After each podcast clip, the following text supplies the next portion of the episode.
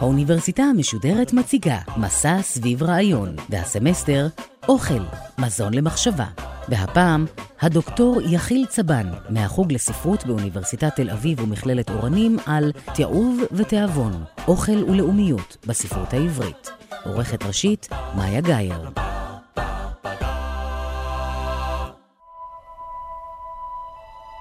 שלום, שמי יחיל צבן ואני חוקר ספרות עברית ותרבות אוכל ישראלית. אני מלמד באוניברסיטת תל אביב ובמכללת אורנים. כתבתי שלושה ספרים שעוסקים בקשר בין ספרות למזון. הראשון ונפשו מאכל תאווה עוסק בייצוגי המזון כפי שהם מופיעים בספרות ההשכלה.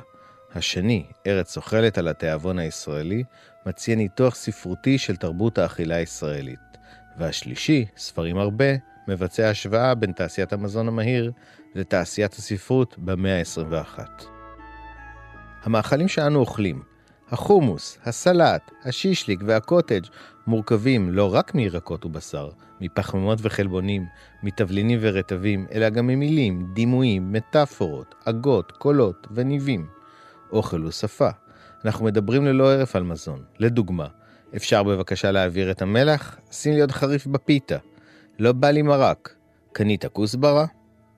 אנחנו גם מדברים באמצעות מזון. אם אני מארח מישהו בשעת הצהריים ומגיש לו כערית עם תמרים וכוס תה, אני מעביר לו מסר מסוים. משהו כמו נחמד שבאת, אבל יהיה עוד יותר נחמד כשתלך. ואם אני מוותר על העוגייה האחרונה למען בת זוג, זו אמירה יותר משמעותית מהמשפט הנדוש, אני אוהב אותך. במילים אחרות, אוכל הוא תופעה פיזיולוגית ולשונית. הלשון מעניקה למזון תפקיד, מובן ומשמעות. למעשה, כיום הדיבור על המזון חשוב יותר מהמזון עצמו. השפה היא זו שקובעת את טעמו, איכותו ומשמעותו של המזון. אני יכול לשנות את טעמה של שקשוקה באמצעות משפט פשוט כמו אכלתי אתמול את השקשוקה כאן והיא עשתה לי קלקול קיבה, ופתאום השקשוקה שהייתה טעימה לסועד, משתנה לשקשוקה מעוררת בחילה. השפה היא תבלין משמעותי במסעדות אופנתיות ובשירותי הסעדה בעלי שם. הרבה יותר יוקרתי ויקר לאכול מדליוני עוף על מצע של אורז בשבעת התבלינים מאשר סתם שישליק ואורז. השפה היא חלק מהמנגנון השיווקי של תעשיית המזון. לא סתם הפרסומת מדווחת שחומוס עושים באהבה. והשפה היא זו שהופכת מאכלים סתמיים לבריאים, בזכות ביטויים כמו ללא חומרים משמרים, או מחומרים טבעיים בלבד. המחקר שלי עוסק באומנות הסיפור של תרבות המזון הישראלית. אני בודק איך מדברים על אוכל, איך משוחחים עם אוכל, ואיך מספרים אוכל בעברית ישראלית. כולנו אוכלים סיפורים על אוכל, מקצתם אמיתיים ורובם בדויים. מקצתם מפעימים ורובם משמימים. מקצתם עצובים ורובם משמחים. מקצתם חכמים ורובם מוזרים. בכל יום אנו בולעים מעשיות, אגדות ופתגמים, נוגסים בכתבי קודש כשרים, מגלגלים על הלשון תפילות וסיסמאות, תואמים פואמות, סונטות ופרסומות, ממליכים אמונות טפלות, נבואות ומחקרים מדעיים, ומקנחים בדרמות היסטוריות, במחזות מוסר ובכתבות בעיתונים. בהרצאה הנוכחית, במסגרת הסדרה של האוניברסיטה המשודרת על אוכל, אדבר על אוכל ולאומיות, ואבקש להציג את הקשר בין השניים כפי שהוא בא לידי ביטוי בספרות העברית. אראה כיצד הספרות העברית מנסחת את אופיו של המטבח הציוני, וכיצד השאלות הקולינריות שאותן היא מתארת, עדיין מלוות את המאכלים שאנו אוכלים היום, ומעניקות להם את משמעותם וטעמם.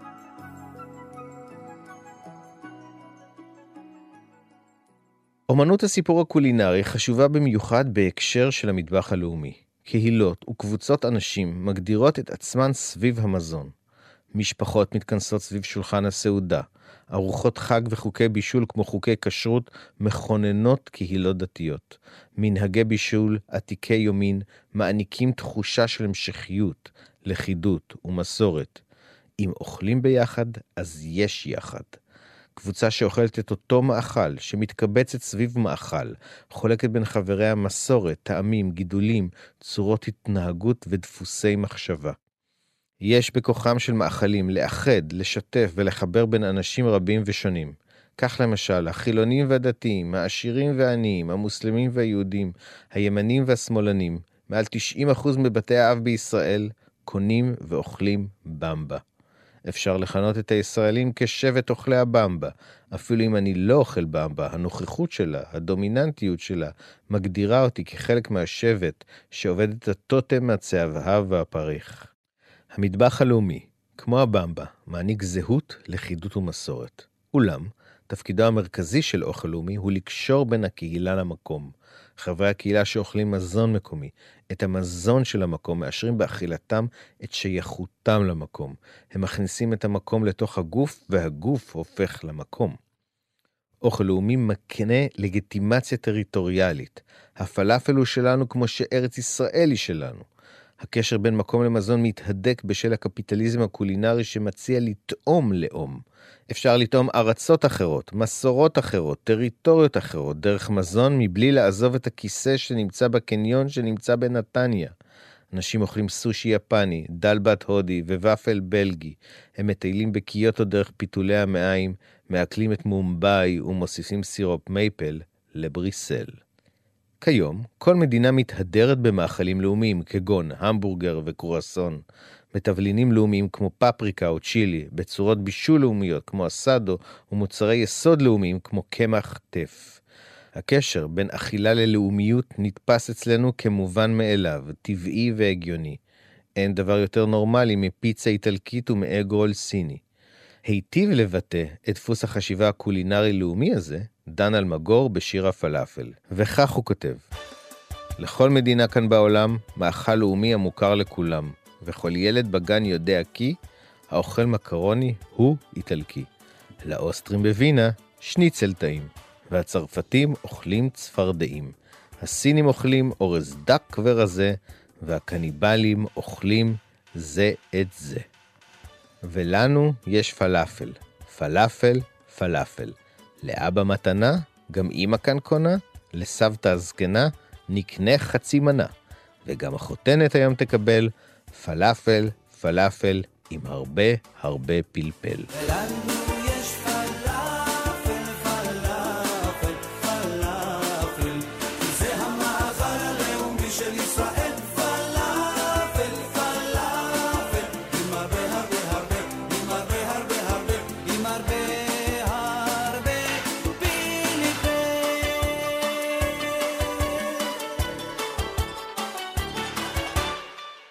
השיר הזה הוא מבוא לקולינריה לאומית. הוא מתחיל בטענה הגורפת שלכל מדינה בעולם יש מאכל לאומי. לאחר מכן הטענה מודגמת. האיטלקים אוכלים מקרוני, האוסטרים אוכלים שניצל והסינים אוכלים אורז. משם השיר עובר לטענה לנו יש פלאפל. כלומר הפלאפל הוא המאכל הלאומי שלנו. ומכאן המסקנה ברורה, ישראל היא מדינה. אל השיר מתווספת תוספת גזענית אוריינטליסטית, שבה מצוין שהקניבלים הם המאכל הלאומי של עצמם, או במילים אחרות, מי שחי מחוץ לקהילות הלאום, הוא ברברי שטורף את עצמו לדעת. האנתרופולוג סידני מינץ, שמומחה בפרדוקסים של מזון, מראה שהמאכלים הלאומיים תמיד חדורים בסתירות. כך למשל, פלאפל אכלו ברחבי המזרח התיכון מאות שנים לפני שקמה מדינת ישראל. ובכלל, שניצל הוא מאכל יותר פופולרי היום בישראל מפלאפל. לא רק הסינים אוכלים אורז, אלא גם היפנים, הקוריאנים והפרסים, ובארצות הברית צורכים מקרוני יותר מבאיטליה. אפשר בהחלט לשנות היום את שיר הפלאפל לשיר השניצל ולטעון בו שכל ילד בגן יודע כי האוכל מקרוני הוא אמריקאי. ועם זאת, על אף שהמציאות לא טעמה אז ולא תואמת היום את שיר הפלאפל, הוא לא מאבד מן האפקטיביות שלו. הוא מתגבר באמצעים פואטיים ומוזיקליים על הסתירות של המציאות, ומציג תפיסת עולם קלה לעיכול, ברורה להבנה ופשוטה. שיר הפלאפל מדגים לנו איך יצירות לאומיות שמטפלות במזון, מייצרות קשרים עלילתיים, פסיכולוגיים, חברתיים ותרבותיים בין מזון למרחב שבו הוא נאכל. כיום אנו זקוקים לאוכל לאומי, לאוכל של המקום, לאוכל מקומי. העולם נעשה יותר גלובלי, יותר אוניברסלי, יותר קפיטליסטי, מה שאומר שהאוכל שלנו הוא כבר לא שלנו, אלא של חברות ענק של מזון, של תעשייה שמייצרת אותנו כצרכני מזון תעשייתי. ככל שאנו אוכלים יותר במבה, חטיף שמיוצר במיליונים בסרט נע במפעל, אנחנו מרגישים כמו במבה, כלומר כפיסות אחידות, סטנדרטיות, בעלות תכלית וטעם זהים. כדי להימנע מגורל הבמבה, אנו מחפשים במזון את האותנטיות, הפרטיות והייחודיות שאיבדנו לטובת האוכל הסדרתי. פריחת תרבות החומוס הישראלית, למשל, מתרחשת במקביל לשגשוג של רשת המזון מקדונלדס. האכילה במקדונלדס, שמציעה לאנשים לטעום את אמריקה בכל מקום ואתר בישראל, מאיימת על הזהות הקהילתית הישראלית. יש משהו כוחני, מאיים ומאיין, בשם המבורגר מגה ביג אמריקה, ברשת שמתפרסת על כל הדרכים, על כל המרקעים, על כל הרקיעים.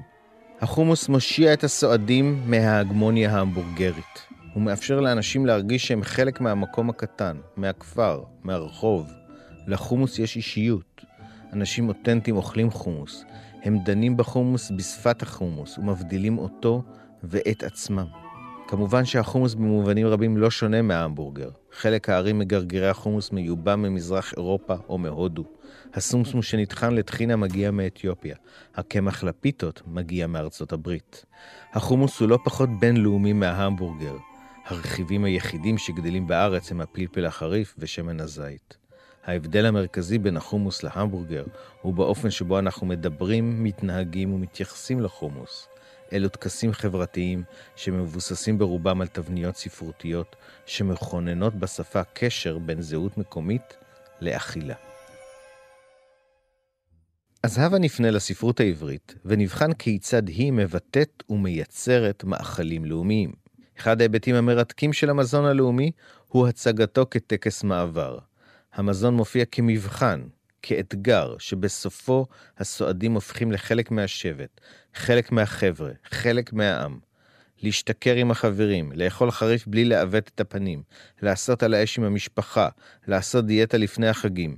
אלו הם טקסי מעבר זעירים שמקנים לסועדים זהות בוגרת, לאומית, מקומית. בראשית המאה ה-20 סופרי ארץ ישראל תיארו בהרחבה את הרגע המכונן של שינוי התפריט של היהודי. את המפגש עם המאכלים הארץ-ישראלים האמורים לשנות את הגוף הגלותי. העלייה לארץ ישראל הכרוכה בשינוי דרסטי של הרגלי האכילה וההסתגלות למזונות החדשים מתוארת בספרות העברית כחלק מטקס חניכה הכרחי, שאותו במובנים רבים אנחנו עדיין נדרשים לעבור.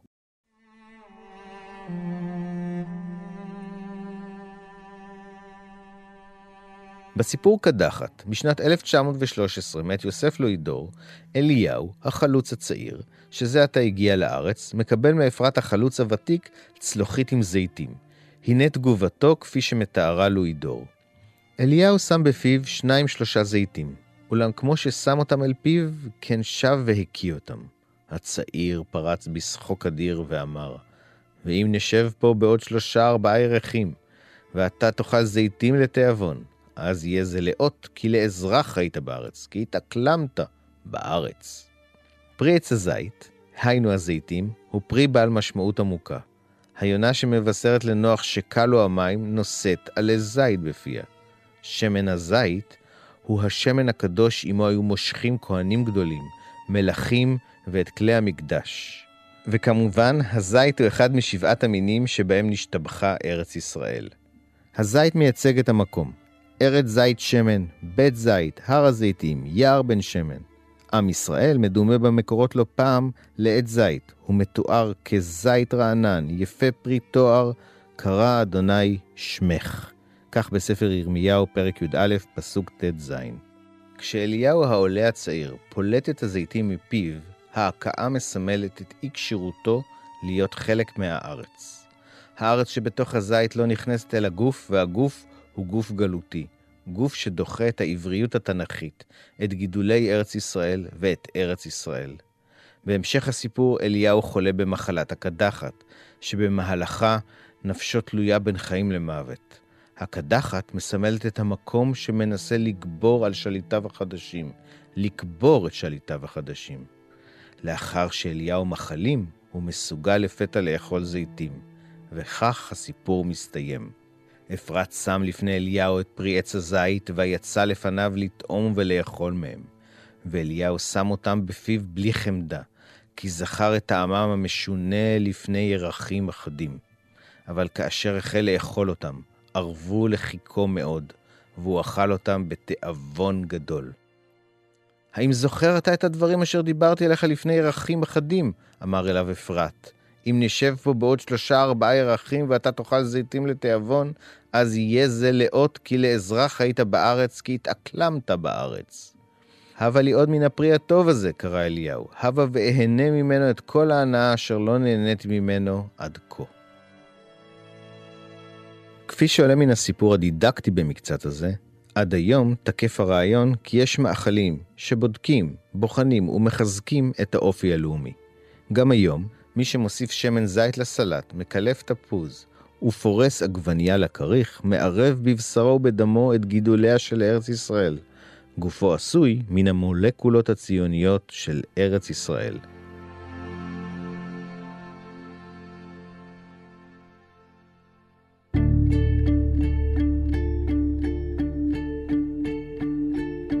טקס מעבר דומה מתחולל בסיפור האורחים מאת משה סמילנסקי משנת 1911. בסיפור מגיעה קבוצה של עולים יהודים ליישוב בדואי שהם קנו את קרקעותיו. הבדואים מארחים את מי שעוד מעט יהיו בעלי המקום, מי שעוד מעט יפנו אותם עצמם מן המקום. הארוחה בסיפור היא בעלת חותם טרגי, כי בסופה המארחים יהיו אורחים והאורחים יהיו מארחים. ארוחה שבה מתקיים המפגש הראשון והאחרון בין יהודים לערבים. בארוחה מוגש לאורחים תבשיל מנסף, תבשיל בדואי של בשר כבש עם אורז שכיום הוא המאכל הלאומי של ירדן. סמילנסקי מתאר בפרוטרוט את בישול המנסף. רגע המפתח בסיפור הוא הצגת הבדואים אוכלים את התבשיל, שאני מביא רק חלק קטן ממנה. הסעודה החלה. הידיים תלשו חתיכות מן הפיתות. האצבעות קרעו את נתחי הבשר, קרחום בפיתה, טבלו בשמן, ושמו אל פיהם. והלשון ליקקה את השומן מן האצבעות. ומן האורז לקחו מלוא החופן, הידקו הדק היטב, עד שקיבל צורה של כדור קטן, והשליכו אל הפה הפעור. בשל צורת ההגשה וצורת האכילה, האורחים היהודים אינם מסוגלים לאכול את המנסף. הם המורגלים בסכין ומזלג, באכילה מצלחת פרטית, נרתעים מהמזון, מהמגע הישיר עמו. הם נבוכים ומתקשים להתמודד עם מבטיהם של הפועלים, שהתכנסו במיוחד כדי לראות אותם סועדים וליהנות משיירי הארוחה. ראש השבט ונציגו של השליט הטורקי, שמכר את השטח ליהודים, משפילים את מבטם כדי לא לראות אותם לא אוכלים, כלומר כדי לא לראות אותם בקלונם. האורחים היהודים, באי אכילתם, מעידים בדומה לאליהו מהסיפור הקדחת, שאין הם מסוגלים להתמודד עם הפיתה, עם בשר הכבש ועם המקום שאותו הם מגלמים. אבל בין היהודים יש טיפוס אחד שכן אוכל את המנסף בטבעיות ובזריזות. יתר על כן, הוא מלמד את חבריו היהודים איך לאכול, ומעודד אותם לנסות את התבשיל. זהו יהודי אחר, שאותו מכנה סמילנסקי בדואי, במרכאות.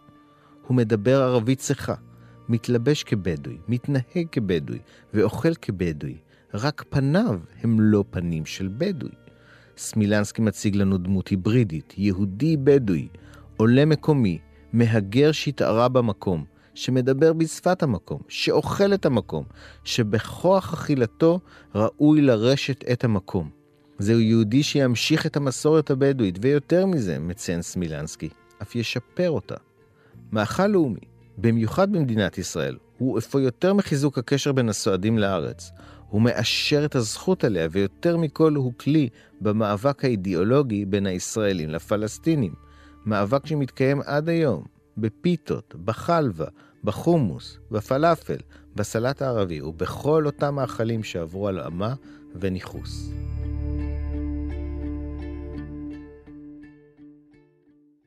אם יש אוכל לאומי, משמע שקיים אוכל שהוא לא לאומי, אוכל לא ציוני, לא ישראלי, שמי שאוכל אותו במובנים רבים, מועל בנאמנות שלו למולדת. זהו אוכל שהוא לא תוצרת הארץ. צורת צריכה שנועדה לחזק את היצרנים המקומיים, לתמוך בפעילות הכלכלית המקומית, ויותר מכל, להעיד על נאמנותם של הצרכנים למדינתם. היום, בגלל הנוכחות המסיבית של חברות המזון הגדולות בפוליטיקה ובתקשורת, כבר אי אפשר לקרוא למי ששותה קוקה קולה בוגד, או לטעון שאכילה במקדונלדס היא אנטי-ציונית. אבל בעבר הרחוק, אוכל אחר, אוכל גלותי, אוכל משם, נתפס כמזון שעצם הרחקתו הכרחית כדי לייצר ציונות עצמאית, חזקה וצעירה. ההתקפה אולי החריפה ביותר נגד מזון גלותי מופיעה בסיפור שור אבוס וארוחת ירק מאת חיים נחמן ביאליק, שפורסם בשנת 1932. הסיפור מבוסס על מדרש משלי בילקוט שמעוני, המתאר את הנסיבות הדמיוניות שבהן חובר הפתגם המפורסם מספר משלי, טוב ארוחת ירק ואהבה שם, מישור אבוס ושנאה בו. במדרש מסופר בקצרה כיצד שלמה המלך, לאחר שנושל מכיסאו על ידי מלך השדים אשמדי, נודד ברחבי ממלכתו ונקלע לשתי סעודות. הראשונה, ארוחת שינה שבמהלכה מארח מעליבו ומצערו, והשנייה, ארוחת צנועה שמלווה בדברי פיוס וניחומים. לאחר הסעודה השנייה, תובע שלמה המלך את הפתגם המובא בספר משלי, ספר שהמסורת מייחסת לו את כתיבתו. הסיפור, שור אבוס וארוחת ירק, הוא הרחבה של המדרש לסיפור בעל מאפיינים לאומיים. שלמה המלך, שמייצג בנדודיו את היהדות הגלותית, נקלע אל ביתו של טבח בריון, שעורך לפניו את כל מטעמי הגלות המזרח-אירופאית. דגים מלוכים, כרוב כבוש, מרק עוף, זפק ממולא, מעיים ממולאים, ועוד ועוד. זוהי אחת מסעודות הבלהות הגדולות ביותר בספרות העברית. במהלכה, שלמה המלך מושקה לשוכרה, מולעט באין ספור מאכלים מזוהמים ומזהמים, תוך שהוא סופג מהטבח מטח של עלבונות, תוכחות, איומים והשפלות. לבסוף, ברגע המכריע של האכילה, מצליח המלך שלמה, הנמצא על סף התמוטטות, לאחוז ברגל השולחן, להופכו על כליו ולהימלט מבית הטבח. לאחר שהוא מקיא את כל שאכל, הוא פוגש איש כפר, המגיש לו ארוחת ירק פשוטה, שמעודדת את רוחו. האוכל הגלותי מתואר בסיפור כאוכל מכאיב ומעורר גועל. הדגים המלוכים מתוארים כדגי צחנה זעירים ונמקים, כדמות עלוקות ותולעי מוות, טבועים על ראשיהם וזנבנבותיהם בצירם המזוהם. הכף שבה שלמה גומע מרק רותח ומפולפל, כה רחבה עד שהכנסתה לפה קורעת את השפתיים. כאשר שלמה טובל את הכף במצולות מרק העוף, עולה וצף למגינת ליבו, בליל כלאיים, תערובת גרש וריפות ופול, מבושלים ושלוקים יחד, במלילי בצק, ומדושנים לרוב בבדלי אלל, ובטלטולי מעיים, וקרב, ובגרגרות תרנגולים, וכורכבניהם. העירוב בין שיירים למזון והחלקים הפנימיים של העוף הופכים את מרק העוף היהודי, המסורתי, למרק של שאריות, מעורר חלחלה. תגובותיו של שלמה המלך להתעללות הארוכה של הטבח מרתקות. מבחינה גופנית, הוא מאבד שליטה על איברי גופו, והופך לאוסף של חלקים שפועלים ללא שליטה. אפו מתעטש, גבו מתכווץ, פיו מתנשף, עיניו חורגות מחוריהם ופניו מתעוותות. אבל, וזו נקודה מעניינת, הוא אינו מוציא מילה מפיו. מתחילת הארוחה ועד סופה, שלמה, החכם באדם, שיודע לדבר בלשונם של העוף והבהמה, נושך את שפתיו ושותק. האוכל, עופות ובהמות שבלשונם שלמה יודע לדבר, נכנס פנימה, אבל המילים לא יוצאות החוצה. שלמה המלך מנוצח על ידי הבשר שממלא את פיו, מכביד על לשונו וחונק את גרונו. היהודי הגלותי מוצג בסיפור כקורבן של המאכלים הגלותיים. הוא מאובס ומפותם בכוח, וגם מאבד את תבונתו וחוכמתו. הטבח, אדון סיר הבשר הגלותי, מענה קולינרית את שלמה המלך, נציגו של העם הנבחר שגלה מארצו. עינוי זה הוא המימוש הסופי של תהליך ההשחתה הגלותי, שעוקר מתוך היהודי את זהותו ומנכיח אותו כאובייקט פתולוגי. הדג המלוח, הזפק הממולא והכרוב הכבוש, כל אותם המאכלים שעד היום מזוהים כמאכלים יהודיים מסורתיים הם שרשרת אלימה שחודרת אל תוך הגוף היהודי ומעוותת אותו תוך כדי גרימת סבל. התבשיל האחרון, המוגש לשולחן, שבו מגיע לשיאו התזמור בין הפתולוגיה הגופנית לקיום היהודי בגולה, הוא תבשיל המעיים. אל הקערה הגיגית הזו נפלה חלחולת שלמה, מעשה מילואים גם היא, ותגבה כהר משפת הקערה ולמעלה. מסביב להר התגוללו כאבנים מנופצות, בתרי חול וכבד ורעה ופאדר, ועוד דברי חמודות כאלה וכאלה.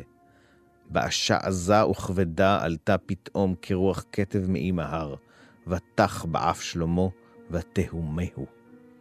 עוד מעט ואבדו כל חושיו. אין זאת כי אם לא נוקתה חלחולת מפרשה. אכילת המעיים הזו היא בבחינת סופה של הידרדרות קולינרית לאומית. ככלל, אכילת מעיים היא מוטיב גרוטסקי ידוע. מי שאוכל מעיים, ובמיוחד מעיים ממולאים, הופך בעצמו למעיים ממולאים במעיים ממולאים. זאת אומרת, הסועד הופך זהה למזון הנאכל בסעודה. הזהות בין האוכל הנאכל הופכת את פעולת האכילה לאכילה קניבלית. אם שלמה המלך יאכל את החלחולת, הוא יקבל על עצמו באופן סופי את סדרי הגלות, הכולאים יהודים במעגל סגור של אכילה והאכלות. ואולם, בנקודת ההכרעה של הסעודה, כאשר מוגשים המעיים הממולאים, המלך שלמה מתמרד ומסרב לבלוע. ורוח לבשה את שלמה, ויפל בצדיה כף מעל השולחן, וישח להרימה, ויהי בשחוטו, וילפות את רגלי השולחן, ויהפכהו על כל מערכתו ארצה. במהומה שנוצרת, שלמה המלך קופץ מהחלון ונמלט מן הסעודה האיומה. מיד לאחר ששלמה בורח מבית הטבח, מופיעה פסקת הסיום. ביאליק מתאר כיצד שלמה מקיא את מה שבלע בבית הטבח, וכיצד גופו נעשה מתועב בעיניו. אם אליהו מקיא את הזיתים של ארץ ישראל, והיהודים בסיפור האורחים נגאלים מהמנסף, הרי שאצל שלמה מתרחש תהליך הפוך, הוא נגאל ופולט החוצה את הגלות.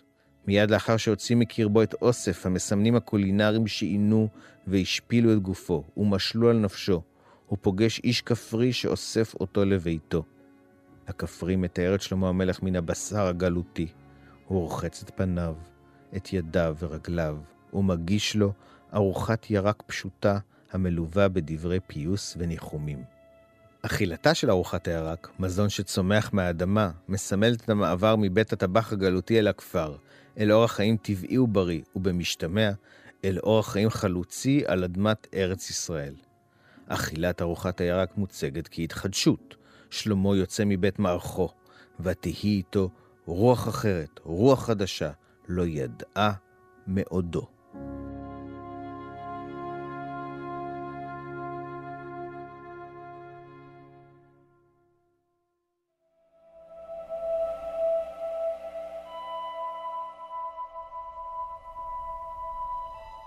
האכילה היא אפוא חלק חשוב בתהליכי ההתמקמות של הלאום היהודי. הספרות העברית הלאומית מחנכת מה לאכול, והתשובה הנכונה לשאלה מה לאכול כרוכה מאליה בשאלה איפה לאכול.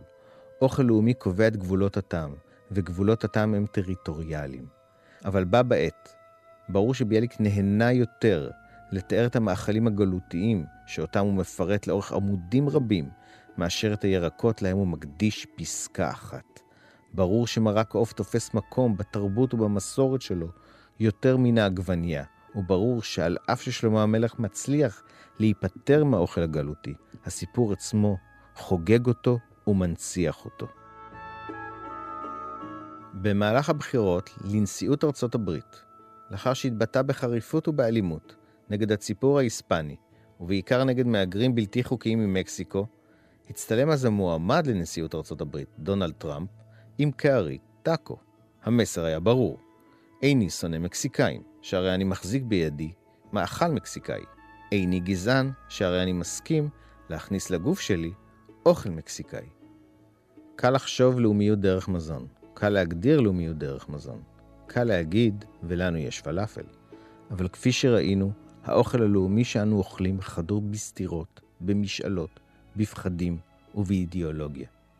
הוא דמיוני לא פחות משהוא מציאותי.